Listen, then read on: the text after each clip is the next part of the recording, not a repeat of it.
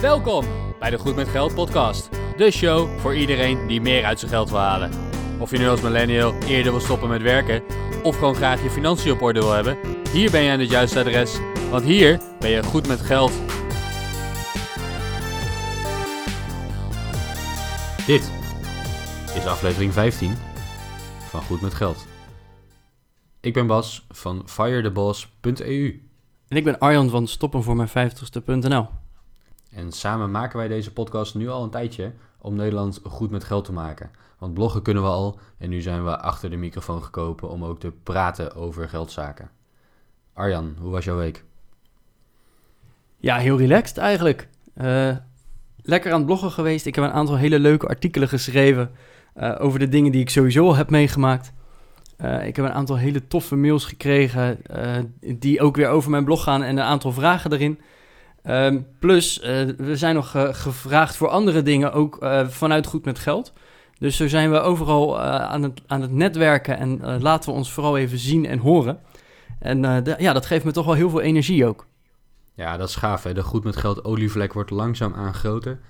We zijn nu met vandaag er bij 15 afleveringen onderweg. En je ziet toch al dat er wat reacties komen. En inderdaad dat we af en toe al gevraagd worden om leuke dingen te doen. Waarover later meer. Ja, wat je in drie maanden eigenlijk al kan bereiken. Dat is echt gigantisch. Het is ongelooflijk hè. Dit laat zien dat de kracht van actie ondernemen, ja, dat die echt is. Arjan, jij wil beginnen met het beleggen in ETF's. Vertel. Ja, nou, op dit moment ben ik aan, eh, heel hard aan het crowdfunden. Daar heb ik een flinke, eh, flinke som geld in zitten. En ik, ik, tuurlijk, ik spreid erin. Ik zit in meerdere platformen, in heel veel verschillende projecten. Maar ik, ik mis nog een beetje spreiding. Ik heb het idee dat ik nog eh, te veel focus op crowdfunding. Want ja, ik heb 100% van mijn geïnvesteerde vermogen in crowdfunding zitten. En dat moet anders. Ehm, alle bedrijven, de AFM, de overheid, noem maar op, adviseert een goede spreiding. En ja, daar wil ik eh, graag wat stappen in gaan zetten. En ik roep al heel lang op mijn blog ook. Ik ga eh, in indexfondsen of in, in trackers ga ik investeren. En daar heb ik zoveel vragen eigenlijk over. Nou Bas, jij hebt heel recent heb je een eh, artikel geplaatst met daarin een heel, eh, heel stappenplan. En eigenlijk wil ik gewoon dat stappenplan eens met je doorspreken. Want eh, nog steeds snap ik sommige dingen niet. En ik denk dus ook zomaar dat onze luisteraar zeker ook nog wel wat informatie extra kan gebruiken. Heel goed, lijkt me een goed idee. Jij belegt in, in crowdfunding, dat levert rendement op. Dat levert ook cashflow op. Hè. Dat is heel belangrijk om financieel onafhankelijk te worden. En nu wil je wat meer uitbreiden en een ander stuk van de economie gaan, gaan opnemen in je beleggingsportefeuille. Ja, en dat, dat kan je met aandelen natuurlijk perfect doen. Ik beleg zelf al langer in aandelen. Ik beleg maar heel minimaal in crowdfunding. Hè. Daar ben ik echt de noob in. Ehm, dus laten we inderdaad over die ETF's gaan praten. Ja, lijkt me goed. Ehm, ja, eigenlijk mijn, mijn eerste vraag. Ehm, wat is jouw beleggingsstrategie? Eh, stop je alles in ETF's of hoe, hoe doe je dat? Ja, mijn beleggingsstrategie is erop gericht dat ik over een aantal jaar financieel onafhankelijk kan zijn. Eh, Ik heb ooit eens mijn, eh, mijn investor policy statement opgesteld op mijn blog. En daarin heb ik geroepen, ik wil graag op mijn eh 40ste onafhankelijk kunnen zijn van het werken voor een inkomen. En daarbij wil ik een portefeuille, of daarvoor wil ik een portefeuille hebben, die zowel ehm, ja, in, in aandelen zit hè, voor de groei en voor het volgen van de wereldeconomie, als inkomen eh, of inkomsten genererende ehm, beleggingen hebben. Denk daarbij aan vastgoed, misschien aan crowdfunding, misschien aan, eh, aan het op een andere manier uitzetten van leningen. Daaruit volgt, uit die doelen volgt, dat ik een beleggingsstrategie aanhoud waarin ik voor 50% van mijn geïnvesteerde vermogen wil beleggen in aandelen en obligaties. Dat doe ik middels ETF's om de spreiding en het, eh, het gemak van het beleggen wat beter te maken. En de andere 50% die wil ik in vastgoed beleggen. Nou, op dit moment bezit ik wel mijn eigen woning, maar ik bezit nog geen beleggingspand. En dat betekent dat ik druk op zoek ben om, te, ja, om een dealtje ergens te vinden. Dat is in deze tijden erg lastig. Maar ik ben al wel bezig met het opsparen van, van wat cash, zodat ik makkelijk een pand kan kopen op het moment dat er wat langskomt. Hè, dus mijn beleggingsstrategie, 50% zit in ETF's en 50% zit op dit moment in cash. Maar is eh, helemaal bedoeld om in vastgoed te beleggen. Ja, klinkt echt heel goed. Ehm, ja, bij mijn, mijn beleggingsstrategie, want dat, dat is eigenlijk jouw stap 1 die je ook in je, in je blog noemt. Kies een beleggingsstrategie. Zorg ervoor dat je ook nadenkt over wat wil ik nu gaan doen? Hoe wil ik mijn geld gaan investeren? en stick to the plan. Dat is eigenlijk ook meteen onze tip die we erbij willen geven. Want als je elk jaar je beleggingsstrategie gaat wijzigen, dan uh, ga je alleen maar onnodige kosten maken. Dat is zonde. Zorg voor een beleggingsstrategie. Nou, bij mij is dat op dit moment 100% crowdfunding. En ik wil in ieder geval uh, proberen die 50-50 ook te gaan bereiken. Door inderdaad geld te gaan investeren in ETF's. Zodat uh, op een gegeven moment ik inderdaad een betere balans krijg tussen crowdfunding en de aandelen op de beurs. Dus op die manier, ja, daar, daar wil ik nu mee beginnen. Um, en, en Bas, even, we gaan ondertussen even naar stap 2, hè, want we gaan het door op die trackers.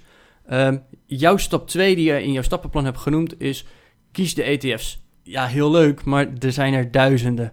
Uh, hoe ga ik dat nou kiezen? Ja, laten we even een klein stapje terugnemen. We hebben het hier over ETF's, over trackers, over beleggen in ETF's. Voor jou als luisteraar, uh, misschien weet je hier alles al van. Dan moet je een keer te gast komen hier in de podcast. Maar misschien zeg je wel, wat zijn deze termen? Ik heb er geen flauw idee van. Dus laten we even kort uitleggen wat er gebeurt. Aandelen zijn stukjes eigenaarschap in een bedrijf. En op het moment dat jij aandelen koopt, dan word je dus mede-eigenaar van dat bedrijf. Dan deel je mee in de winst en verlies van dit bedrijf. En daar kan je heel erg rijk van worden als het goed gaat met deze organisatie. Het probleem is echter dat als jij één aandeel koopt en dat bedrijf gaat failliet, dan ben je al je vermogen kwijt. Dat zou erg vervelend zijn. En de logische vervolgstap is natuurlijk om je risico te gaan spreiden, wil je in zoveel mogelijk verschillende bedrijven beleggen. Niet alleen verschillende bedrijven, maar ook nog bedrijven die in verschillende sectoren zitten, die verschillende uh, ja, groottes hebben. Dus je wil kleine ondernemingen hebben, je wil hele grote, echt de megabedrijven wil je bezitten. Je wil bedrijven in verschillende landen en zelfs continenten bezitten. En op die manier wil je eigenlijk je risico zoveel mogelijk spreiden over zoveel mogelijk verschillende assen. Nou, dan ga ik je natuurlijk vertellen, beleg maar in deze 6000 of 6500 verschillende bedrijven. En dan zeggen, ja, maar Bas, daar kan ik helemaal geen aandelen in kopen. Dat, dat gaat niet. En de oplossing is een indexfonds. Een indexfonds is een fonds, een, een bedrijf, een fondsbeheerder. En zij kopen voor jou die 6000 of 1000 of hoeveel dan ook verschillende aandelen. En jij koopt als het ware een aandeel in dat fonds, waarmee jij dus een belegging doet in die onderliggende waarde. Een ETF is een manier om een aandeel in zo'n fonds te kopen. Je hebt ook zaken die heten mutual funds, of wordt vaak uh, beleggingsfonds genoemd. Die laten we even uh, buiten beschouwing voor nu. Werken bijna hetzelfde, maar je ziet ze in Nederland niet zoveel. In Nederland zie je heel veel ETF's en daar gaan we op verder dus je moet altijd in je achterhoofd houden, als Bas en Arjen het hebben over het investeren in ETF's, dan bedoelen ze daar eigenlijk mee het investeren in heel veel verschillende aandelen. Eigenlijk in een complete marktindex, door het kopen van één ETF, door het kopen van één aandeel in zo'n beleggingsfonds. Ja, heel goed inderdaad om dit nog even goed toe te lichten. Uh, maar goed, laten we het ook gewoon even een mandje met aandelen noemen. Hè? Want uh, je koopt dus een mandje met, nou, ik noem even 6000 verschillende bedrijven erin. Daar koop je een deel van. En heb je meteen met dat ene stukje indexfonds heb je een, een stukje aandeel gekocht van 6000 verschillende bedrijven. Of misschien wel 7000, maar het kan net zo goed zijn 25. Want bijvoorbeeld de AX kan je ook gewoon in een indexfonds kopen. Maar goed, Bas, terugkomend op mijn vraag. Hoe ga je nou kiezen welk mandje aandelen je gaat kopen? Ja, er zijn echt duizenden ETF's te vinden. Het is, is ongelooflijk. Ja, hoe ga je nou kiezen? De eerste keuze die ik zou maken is het type belegging dat je wil doen. we hebben het vandaag echt over aandelen, maar je kan ook ETF's kopen die in obligaties beleggen. En je kan ETF's kopen die in, uh, in edelmetalen beleggen bijvoorbeeld. En je kan misschien ook wel, dat weet ik eigenlijk niet, maar het zou me niks verbazen als je in ETF's kan uh, kan kopen, die beleggen in crowdfunded leningen. En die lijken dan waarschijnlijk qua prestaties wel heel erg op obligatie-ETF's. Maar goed, je kan in heel veel verschillende soorten uh, ja, type beleggingen investeren door middel van ETF's. En dat is dan ook de eerste selectie die je maakt. Hè. Wat, wat ga ik nou kopen? Ik wil een aandelen-ETF, een obligatie-ETF, misschien wel iets anders. En nou, vandaag kiezen we ervoor, we gaan een aandelen-ETF kopen. dus dat is al de eerste keuze die je maakt. De tweede keuze die je maakt is hoe divers deze ETF belegd is. Arjen, jij zei net, je kunt in de AEX beleggen, dat is onze Nederlandse beursindex. En daar zitten 25 Nederlandse beursgenoteerde bedrijven in. Als je die koopt, dan koop je eigenlijk een aandeel in deze 25 bedrijven. En daarmee heb jij ja, jezelf blootgesteld aan de winsten van deze 25 Nederlandse bedrijven. Maar als het nou heel slecht gaat met de Nederlandse economie en deze bedrijven doen het slecht, dan doet jouw investering het dus ook slecht. Je zou kunnen kijken om een andere index te gaan volgen. Misschien een wat grotere index die zich niet alleen beperkt tot die paar bedrijven hier in Nederland, maar die misschien wel wereldwijd belegt in aandelen. Nou, zo zijn er enorm veel keuzes die je kunt maken qua geografische spreiding. Kun je in Nederland beleggen, je kunt in Duitsland beleggen, in alle Europese landen zijn indexfondsen te vinden die in dat land investeren. Een hele bekende is misschien de S&P 500 in Amerika. Dat is een ja, dat is een index die al gespreid is over 500 Amerikaanse bedrijven. Die heeft natuurlijk al een veel betere spreiding. Maar het is ook absoluut mogelijk om een wereldwijd indexfonds te kopen, waar misschien wel 3000 bedrijven in zitten. Dus dat is een andere keuze die je maakt. Nou, de keuze die ik vaak zou maken is: kies voor een zo breed mogelijke spreiding. Ga dus voor die wereldwijde spreiding, want ja, waarom niet? Hè? Volg gewoon die hele wereldeconomie. En zolang wij het als mensheid goed blijven doen en we blijven economische vooruitgang boeken, dan zal jouw investering gewoon op de lange termijn meer waard gaan worden. Mocht je nou denken, dat is leuk die wereldeconomie, maar ik vertrouw niet dat de automobielindustrie het heel goed doet, maar ik denk wel dat de biotech-industrie het heel goed gaat doen, dan zou je ook nog ETF's kunnen kopen die echt in een niche-markt zitten. En dan ongeacht de geografische spreiding zou je dus in een bepaalde marktsegment kunnen beleggen. En kan je zeggen, ik wil alleen maar technologiebedrijven kopen. Of ik wil alleen maar banken kopen. Of ik wil alleen maar agrarische sector kopen. Want ik verwacht dat daar heel veel groei in gaat plaatsvinden. daar zijn ook mogelijkheden voor, daar heb je ook ETF's voor. Dus dat is ook een onderdeel van de keuze die je zal maken om een ETF te kunnen kopen. In mijn geval heb ik gekozen voor een wereldwijde ETF die ook werkelijk wereldwijd is en de gehele economie volgt.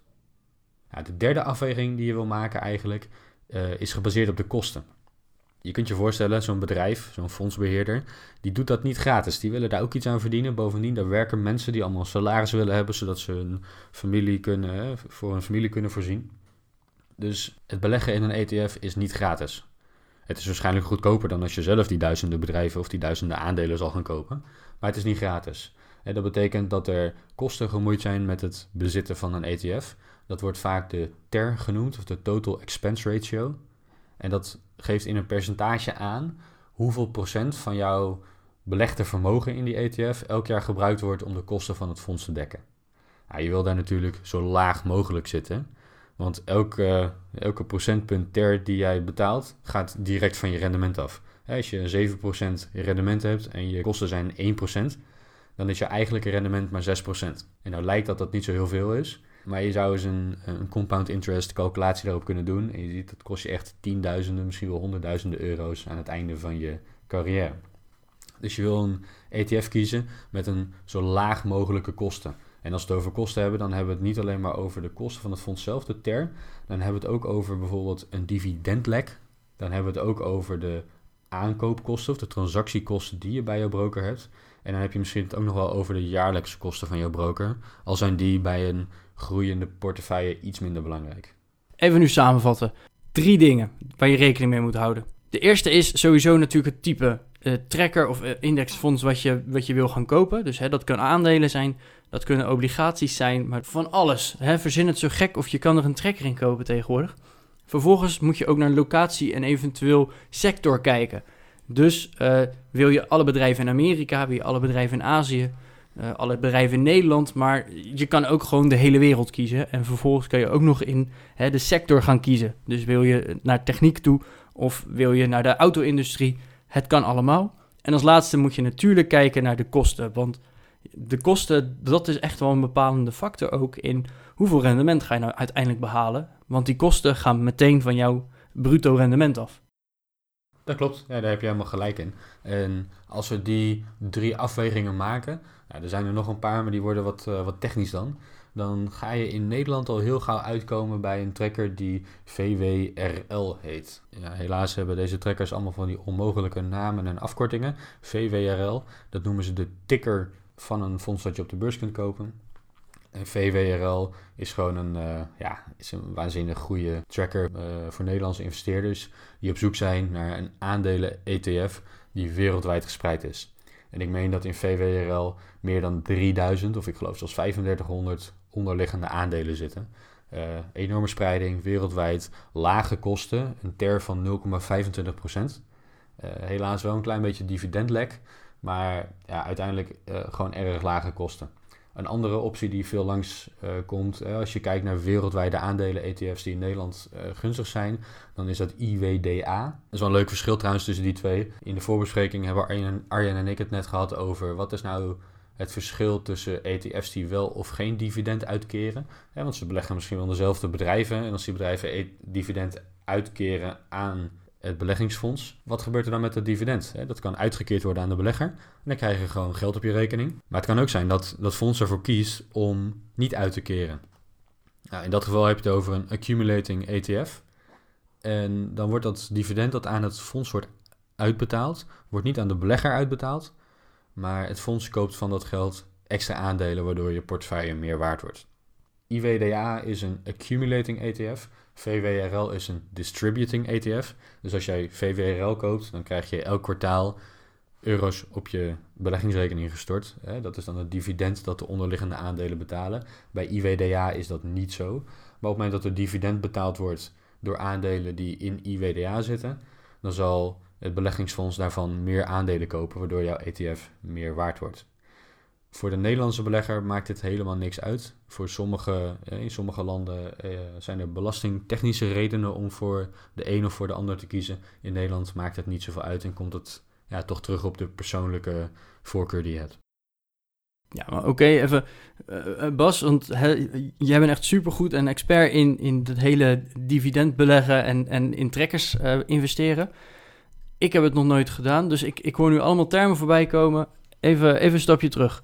Jij noemt eh, VWRL en IWDA. Dat zijn dus twee uh, trekkers, twee mandjes met van die aandelen waarin je kan investeren. En op een gegeven moment heb je het over uh, dividend en kosten. Nou, die, die kosten, dat, dat snappen we ondertussen. Dat was inderdaad een, een percentage van jouw geïnvesteerde vermogen. Wat je dus jaarlijks dus ook moet betalen aan zo'n zo'n bedrijf die dat allemaal voor je regelt. Wordt dat zometeen gewoon van die rekening afgeschreven? Of hoe, hoe ziet dat eruit? Nee, die kosten die worden niet van jouw rekening afgeschreven in het geval van de, van de TER. Die kosten die worden direct aan het fonds in rekening gebracht. En dat betekent gewoon dat als jij een, uh, een ETF hebt en de waarde van één ETF is misschien 50 euro, dan kan die na de betaling iets minder dan 50 euro waard zijn. En dan zal er een paar cent aan kosten uh, worden ingehouden op het fonds, waardoor het fonds in zijn totaliteit ietsje minder waard wordt. En dat is, dat is hoe de kosten worden betaald aan de fondsbeheerder. En als we het hebben over de kosten die je aan de broker betaalt, bijvoorbeeld de transactiekosten of de jaarlijkse beheerkosten, die zullen vaak vanaf, jou, uh, vanaf je lopende rekening, vanaf je lopende beleggingsrekening in euro's worden afgeschreven. Oké, dus effectief, uh, ja, je hebt een term, maar je merkt er niet echt in de, in de dagelijkse praktijk iets van. Ehm, oké, nou, en, en dan had je het ook nog over dividend. Dus misschien ook nog even goed om uit te leggen wat dividend nou is. Bedrijven maken winst. Over het algemeen. Als bedrijven geen winst zouden maken, dan zouden die bedrijven niet heel lang kunnen bestaan. Het is dus de bedoeling dat een bedrijf winst maakt. Er komt meer geld binnen dan dat ze uitgeven. En dan kan een management van een bedrijf kan twee dingen doen. Ze kunnen ervoor kiezen om dat stukje winst uit te keren aan de eigenaren van het bedrijf. En ze kunnen ervoor kiezen om dat geld in het bedrijf te laten zitten en te gebruiken voor investeringen om verder te groeien, om nieuwe markten aan te boren, noem maar op. Sommige bedrijven kiezen ervoor om geen geld uit te keren aan de eigenaren, aan de aandeelhouders, maar om het in het bedrijf te laten zitten om verder te kunnen investeren. Dit zijn vaak bedrijven die nog klein zijn, die net begonnen zijn of, die, of waarin het bedrijf echt in een groeifase zit. Zoals Tesla.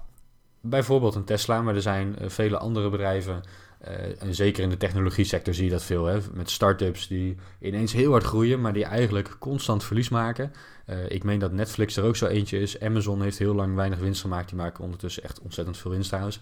Um, maar er zijn heel veel bedrijven die geen winst maken, die enorm in een groeifase zitten. Ja, en als er geen winst wordt gemaakt, dan gaan ze natuurlijk ook niet het, het, het geldtekort dat er al is, gaan ze natuurlijk niet uh, erger maken door geld aan de aandeelhouders uit te keren.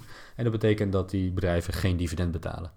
Er zijn ook bedrijven die juist wel dividend betalen, misschien een klein beetje. Sommige bedrijven keren hun, bijna hun volledige winst uit als dividend.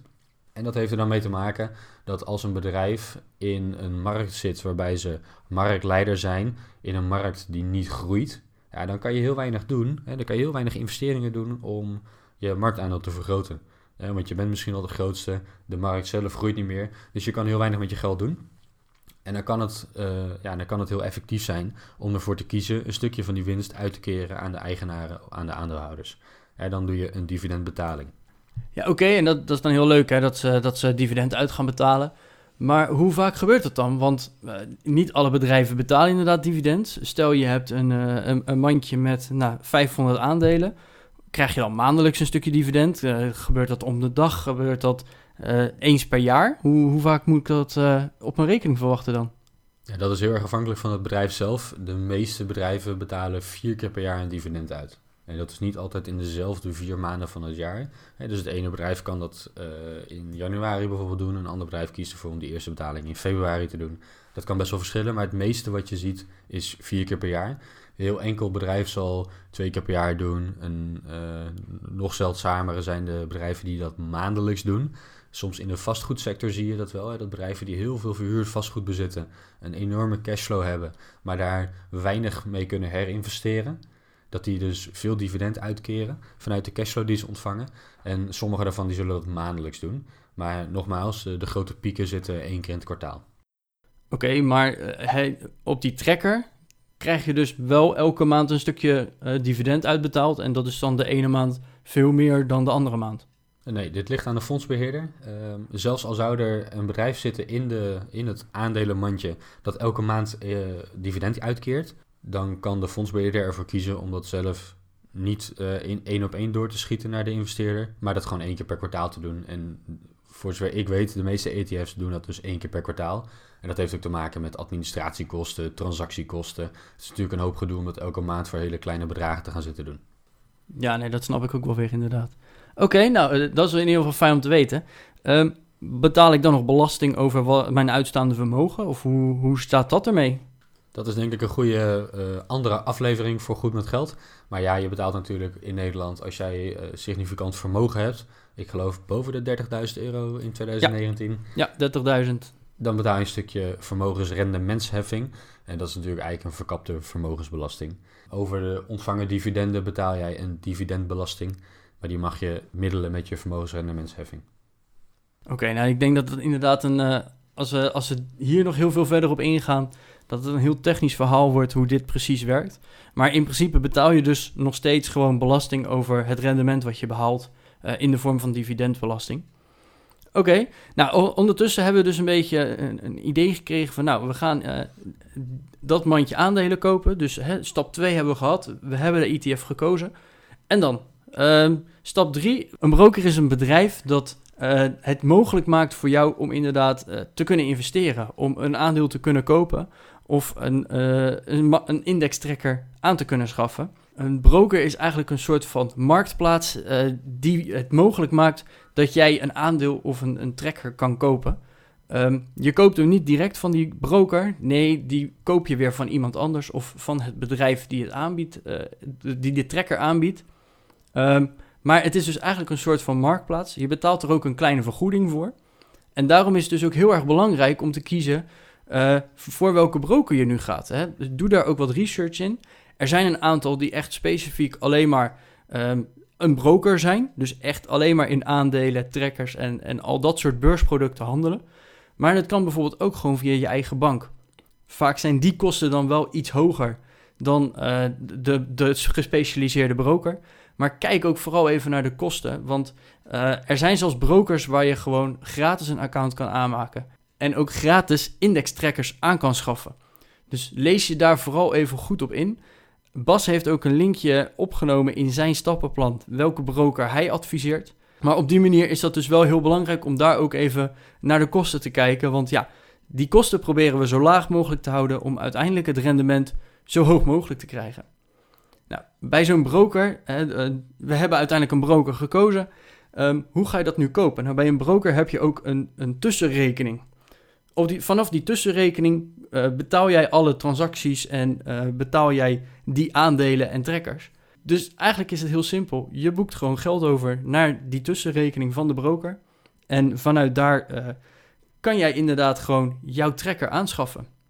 Um, nou, en Bas, dan komt het nog ook een, stukje strategie. Hè, van, koop je ETF's, maar hoe vaak koop je die dan?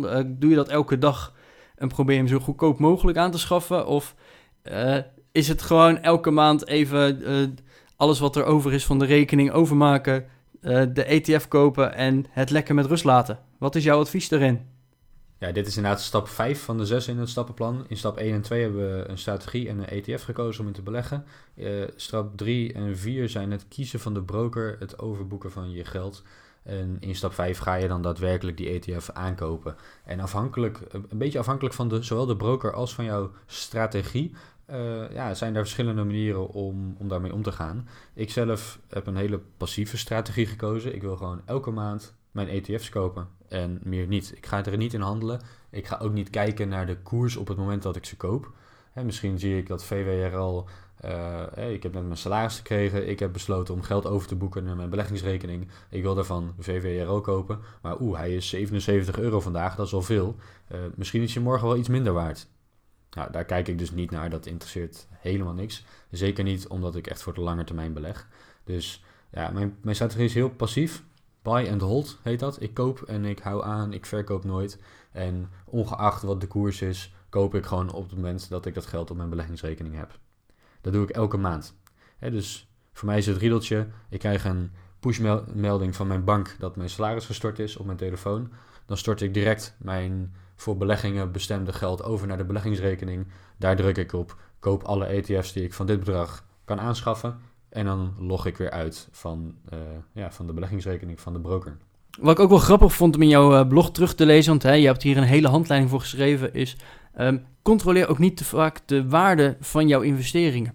Dat is een soort van wilde rit, echt een rollercoaster is er rustig bij, want die uh, waardes gaan zo vaak omhoog en omlaag, dat je eigenlijk helemaal gek kan worden, alleen al van de spanning die je daardoor krijgt. Dus ik vind de strategie die je aanhoudt eigenlijk wel mooi. Eén keer per maand inloggen om nieuwe uh, trekkers te kopen. En vervolgens laat je het gewoon met rust. En wacht je tot de, tot de volgende maand er weer is. En dat is ook stap 6 van het stappenplan. Geniet van de rit. Geniet van de soms wat wilde rit. Hij zal over het algemeen omhoog gaan.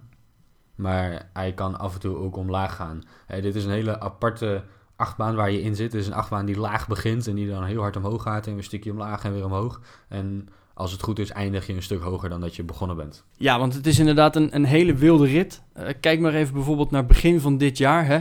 Uh, in december stond inderdaad uh, het, de VWRL die wij noemden, stond ergens rond de 75 euro. Ehm, een maandje later was hij nog maar 64 euro waard. Dat is opeens gewoon een tientje minder per, per, per aandeel, per stukje trekker. Dus opeens ben je gewoon meer dan 10% van je vermogen kwijt. Ondertussen zijn we weer een paar maanden verder en uh, zit het aandeel al gewoon ver boven de 76 euro. Dus zo gaat het echt heel erg op en neer. En kan het ook inderdaad zijn dat je in uh, slechts een maand tijd gewoon 20% van je vermogen kwijtraakt. Hou er dan ook gewoon rekening mee dat de kans zeer groot is dat het ook wel weer inderdaad omhoog gaat. Um, dus verkoop het ook niet. De, de buy-and-hold strategie die wij hier aan gaan houden, is inderdaad om hè, natuurlijk de vallen klappen, maar uiteindelijk zal het wel weer een keer gaan herstellen. En zeker door in nou, 5000 bedrijven te beleggen, is de kans echt miniem dat alle 5000 bedrijven failliet gaan en je dus echt al je geld kwijt bent. Ik denk alleen, al, alleen als er echt een, een flinke oorlog uitbreekt of uh, inderdaad uh, de, de wereld vergaat, dat dan de aandelen echt uh, onherstelbaar zullen dalen. Maar ja, dan hebben wij zelf ook wel een ander probleem om ons zorgen om te maken. Dat denk ik ook. Ja, en wat denk ik ook nog wel even heel belangrijk is, hè, wij, wij hebben hier een stappenplan uh, en hebben je meer verteld over indextrekkers. Wij zijn verder geen uh, financieel adviseurs en uh, wij, wij hebben deze kennis ook vergaard door zelf heel veel te lezen en zelf heel veel te studeren hierop. We hebben er geen officieel papiertje voor, dus alle adviezen en noem maar op die wij geven, die mag je natuurlijk opvolgen, maar, dat is altijd op eigen risico. Dit zijn onze ervaringen in ieder geval die we wel graag met jou wilden delen. Alle adviezen en artikelen die we genoemd hebben vandaag, die vind je in de show notes op www.goedmetgeldpodcast.nl slash 015 voor aflevering 15 van Goed Met Geld. Dit was hem weer voor deze week. Volg ons op iTunes, volg onze blogs, firetheboss.eu, stoppen voor mijn 50ste.nl. Doe dat gewoon en dan zien we jou volgende week. Wordt ook goed met geld. Tot ziens. Tot volgende week.